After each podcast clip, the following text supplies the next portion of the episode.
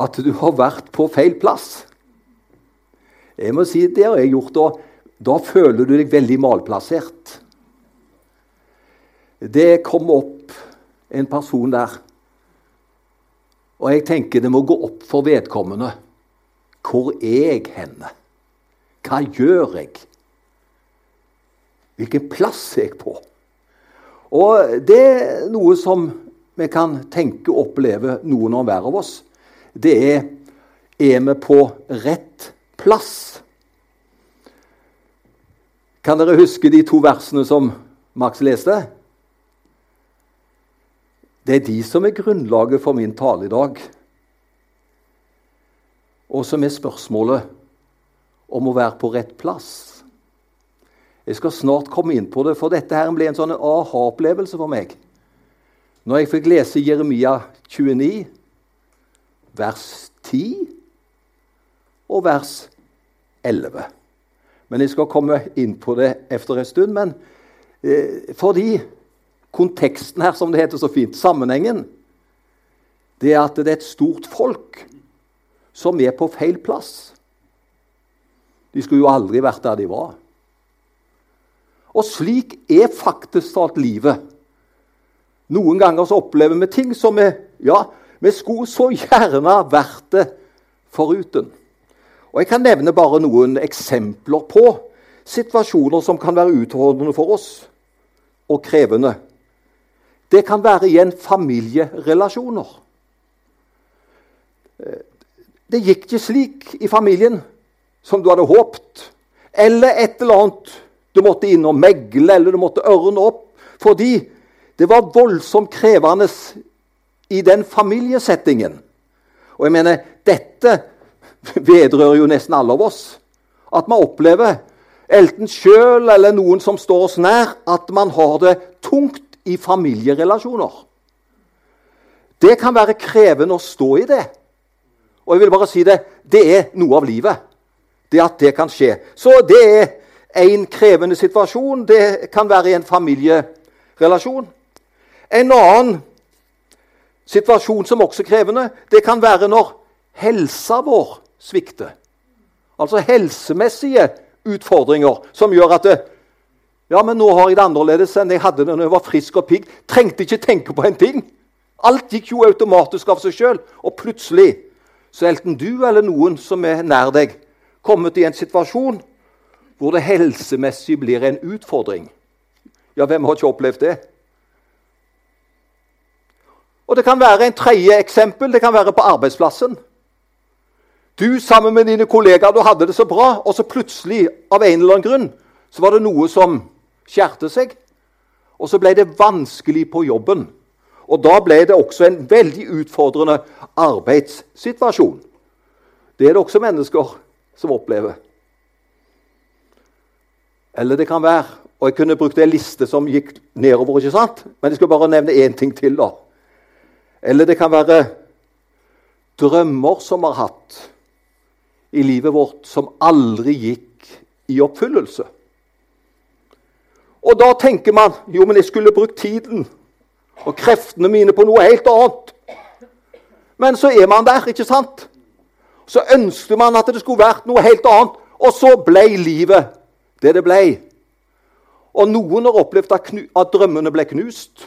Andre har opplevd at ja, det gikk an å reparere, det gikk an å gjøre noe med det og komme videre. Så ble det bra likevel på en eller annen måte. ikke sant? Men det har noe med Drømmer kan også være slik at det kan bli utfordrende for oss. Nå skal jeg gjøre noe som jeg ikke gjør så ofte. Men jeg skal sitere en forfatter. Og jeg skal sitere det bokstavelig. Emily Pearl Kingsley. Hun har skrevet ei bok, og jeg skal sitere noe fra den boka. Og hun skriver om å få og oppdra et handikappet barn. Ikke sant? Hun så for seg at når endelig fødselen skulle komme for henne, så forventa hun ikke sant, at alt gikk på skinner. Det var hennes forventning. Og så skriver hun om hvordan det var få å oppdra et handikappet barn. Og så skriver du på denne måten, som jeg vil bare sitere fra boka. For jeg syns det er veldig Hun er flink til å sette ord på en slik situasjon. Og jeg siterer Når man skal ha barn, er det som å planlegge en drømmereise til Italia. Du kjøper flere reisehåndbøker og legger fantastiske planer. Colosseum, Michelangelo, Det skeive tårn i Pisa, gondolene i Venezia. Du lærer deg litt italiensk, og alt er svært spennende. Tenk å få besøke drømmelandet mitt, Italia. Etter flere måneder med spenning og forventning er endelig dagen kommet. Du skal reise til Italia. Men når flyet lander noen timer senere, hilser flyvertinnen dere med ordene 'Velkommen til Nederland'. Nederland, roper du. Hva mener du med Nederland? Jeg har jo bestilt en reise til Italia. Hele livet har jeg drømt om å reise til Italia. Men det har skjedd en forveksling med reiserutene. Flyet har landet i Nederland, og her må du være. Det er viktig å huske på at flyet fraktet deg ikke til et grusomt og ekkelt sted. Det gjorde ikke det. Det var ikke sult og sykdom der du kom. Nei, det var bare annerledes. Så du må gå ut og kjøpe nye reisehåndbøker. Nå må du lære deg et helt nytt språk. Og du møter en helt ny gruppe mennesker som du aldri har vært i kontakt med før. Nederland er annerledes. Takten er langsommere enn i Italia.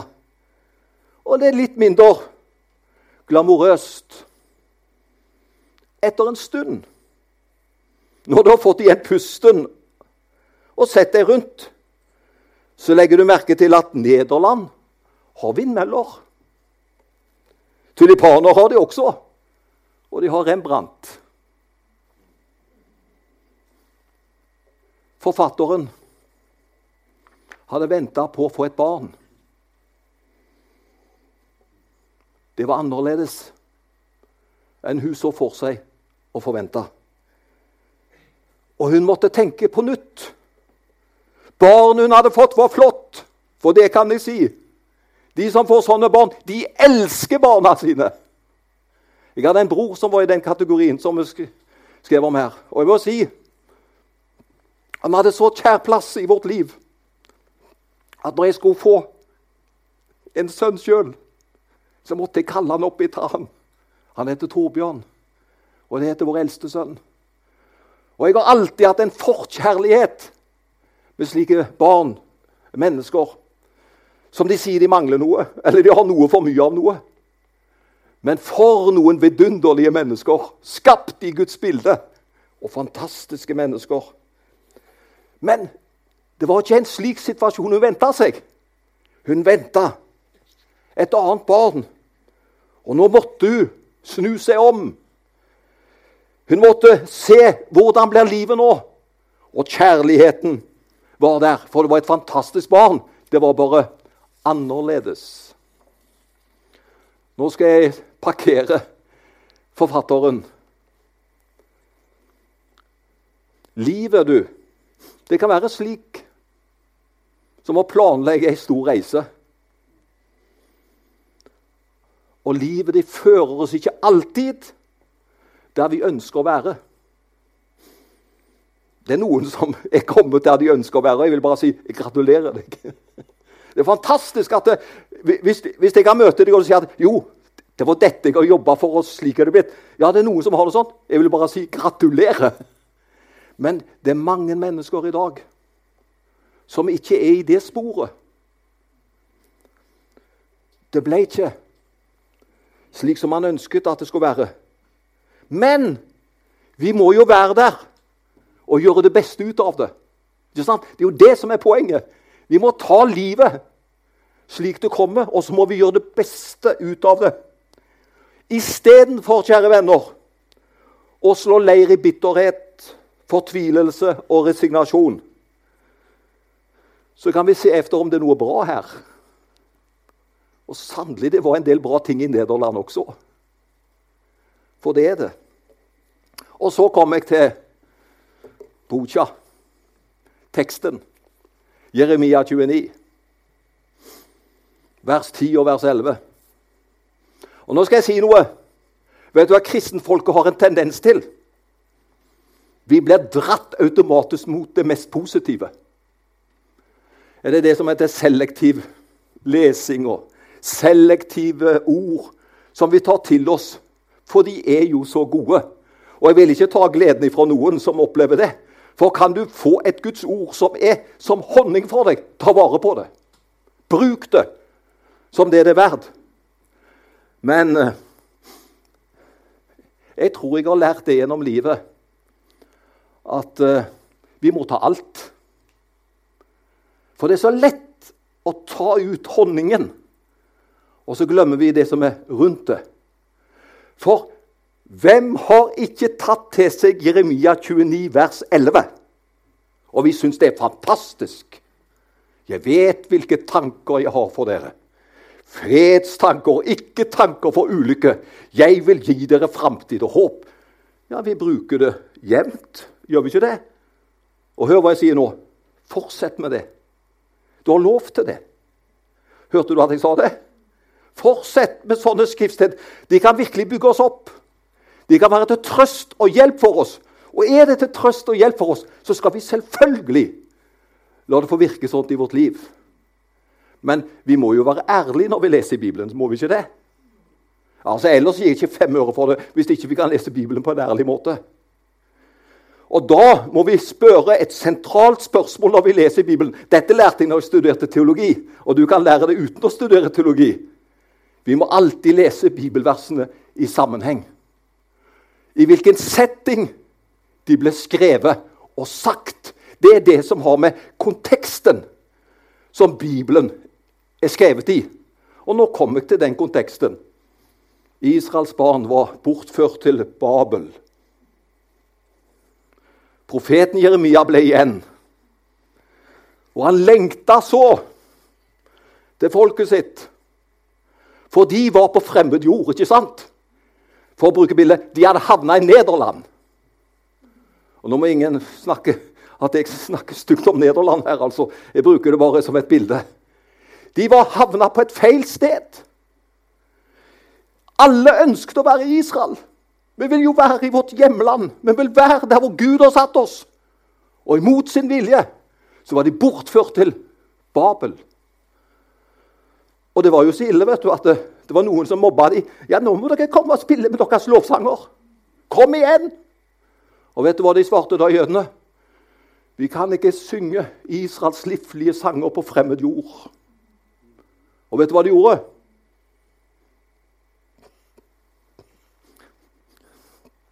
De måtte henge harpene på veggen. Det var sorg, det var fortvilelse. Det var ikke tid for lovsang. Og det var bare noen som mobba dem med det. Ja, nå må du vise hvilket tak det er dere. Kom her nå!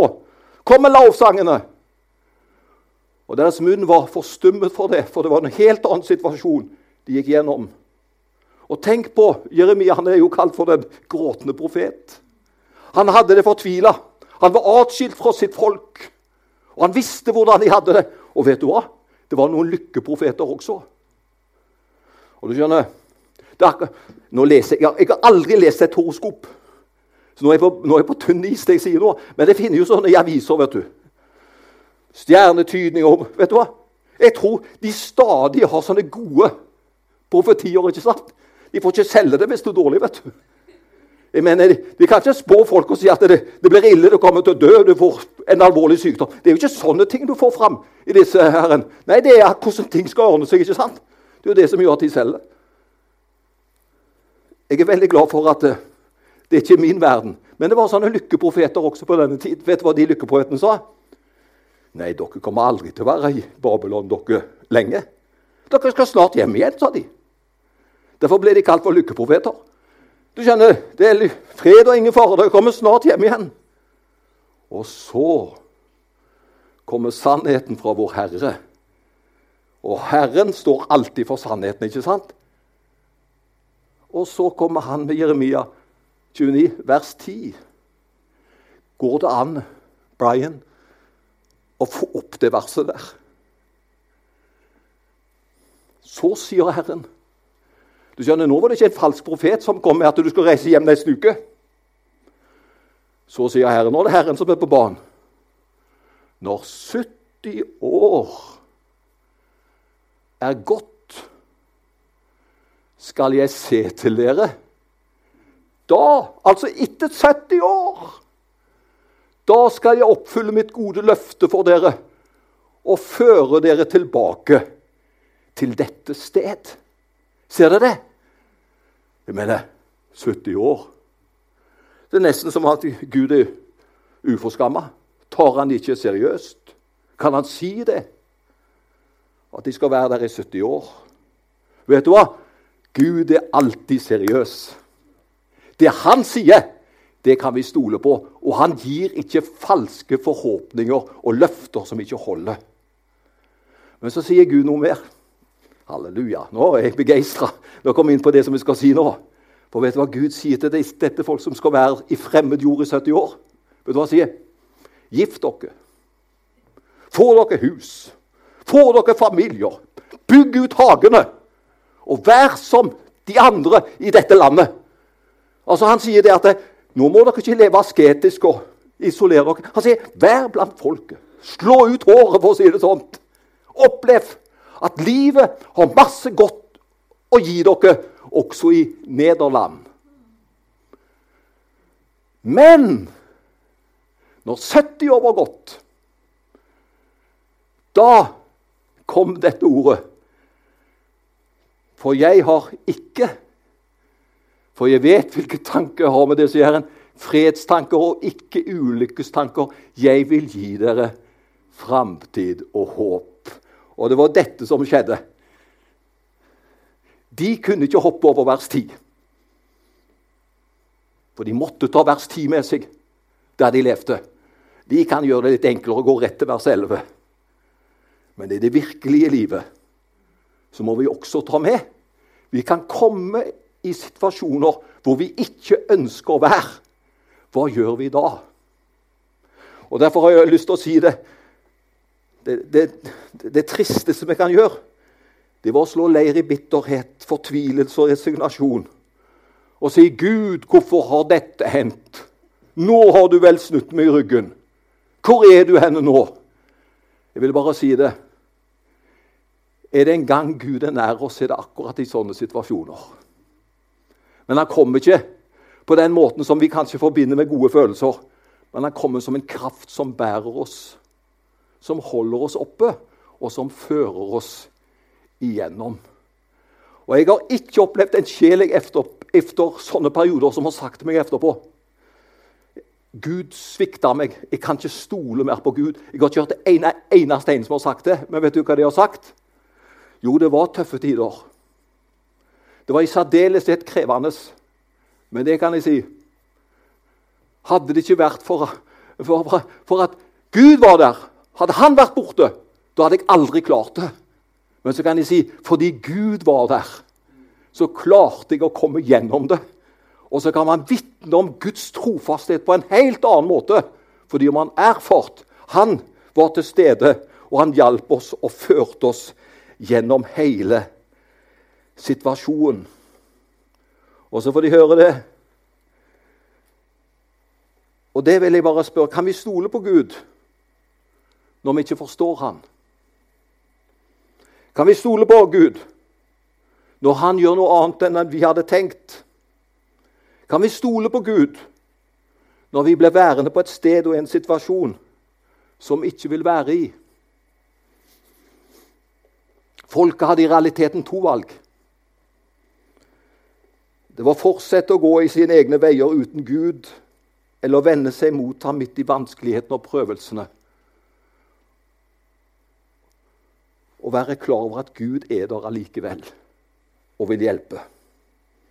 Og Jeg vil bare ha lyst til å si det, for nå går jeg mot avslutning av talen min. Kristenlivet er ikke et liv uten prøvelser. Kristenlivet er ikke et liv uten sykdom og uten smerte. Det vil nå oss fordi vi er mennesker, alle sammen underlagt forgjengelighet. Vi er ikke kommet til, jeg pleier alltid å si vi er ikke kommet til himmelen ennå. Der blir det veldig bra. Det var som jeg sa, Der blir det ingen leger og ingen sykepleiere. Selvfølgelig blir det det hvis de er frelste. Men de trenges ikke i sitt yrke i himmelen. Tenk du, Der blir alt fullkomment. Der skal alle ting bli nye. Men inntil vi er der, så er vi alle sammen underlagt forgjengelighet. Og Det kan gjøre at vi kan komme på steder hvor det er vanskelig å være, og hvor det utfordrende og krevende. Men uansett om det kan føles som om vi er på feil plass i en periode, så er det viktigste av alt det at Gud er der. Og Nå har jeg en veldig fin formulering. Kan jeg få gi dere den? Guds folk er Guds folk, også i et fremmed land. Kan jeg ta den en gang til? Guds folk er Guds folk også i et fremmed land. Også i Babel var de Guds folk. Og Det var derfor han hadde en plan med dem og ville en dag føre dem hjem igjen. Og det skjedde etter 70 Jeg gjentar efter 70 år. Men det var mennesker der som ble født der, som døde der, som ikke fikk komme inn i landet. For det var en lang tidsperiode. Men mange fikk lov til å komme hjem til landet sitt. Guds folk er Guds folk også når de blir syke. Også når kriser rammer. Når livet gikk annerledes. Guds folk er Guds folk, og vi tilhører Jesus Kristus, som er vår frelser og Herre. Og han har lovt å være med oss alle jeg understreker alle dager. For jeg vet hvilke tanker jeg har med dere, sier Herren. Fredstanker og ikke ulykkestanker. Jeg vil gi dere framtid og håp. Skal vi be. Og så kan også dette være en bro til det vi skal ha om en stund. Vi skal feire nattvær. Det er derfor vi er Guds folk. Det er derfor vi er Guds barn. Fordi Jesus kom og kjøpte oss til Gud med sitt blod. Og han har sagt at alt er betalt. Han har gjort opp for alt. Han har kjøpt oss til Gud med sitt eget liv. ikke det flott? Så Du trenger aldri være redd for at, eh, om du har gjort nok. Du har ikke gjort nok, men han har gjort nok. Hørte du sa? Du vil aldri gjøre nok, men han har gjort nok. Og det er det som han har gjort som holder. Takk skal dere ha for at dere var så positive her i dag. Jeg tenkte når jeg kjørte fra Lyngdal i dag, at i dag blir det få mennesker. For Jeg visste jo ikke jeg visste jo hvilken søndag det var. Høstferie. Og så tenkte jeg at ja, ja, det blir, vi, skal, vi skal komme gjennom det. Men eh, jeg syns det var så fint å tale til dere i dag. Jeg har talt til åpne mennesker og åpne ansikter. Det ser jeg. Takk at du kom på møtet i dag. Og Gud velsigne oss i perioden som ligger foran. Og Jeg håper jeg får en god høstferie for de som skal det, og en god hverdag. Og så husk, uansett, du er Guds folk. Takk, Herre. Takk at du har satt foran oss en åpen dør. Dine løfter hos deg har fått et ja og et amen. Gud til ære for oss. Takk at du, Gud, du er, du er fryktelig realistisk, Gud. Du driver ikke og lurer oss. Du snakker for sannheten setter oss fri. Og sannheten er også at du er nær oss i alle situasjoner. Takk for din nåde, takk for din godhet. Takk for den du er. I Jesu navn. Amen. Halleluja. Amen. Jeg tror jeg sier halleluja òg, jeg, i dag. Og du og du. Det er flott. Nå skal vi bare synge ett lovsangskor.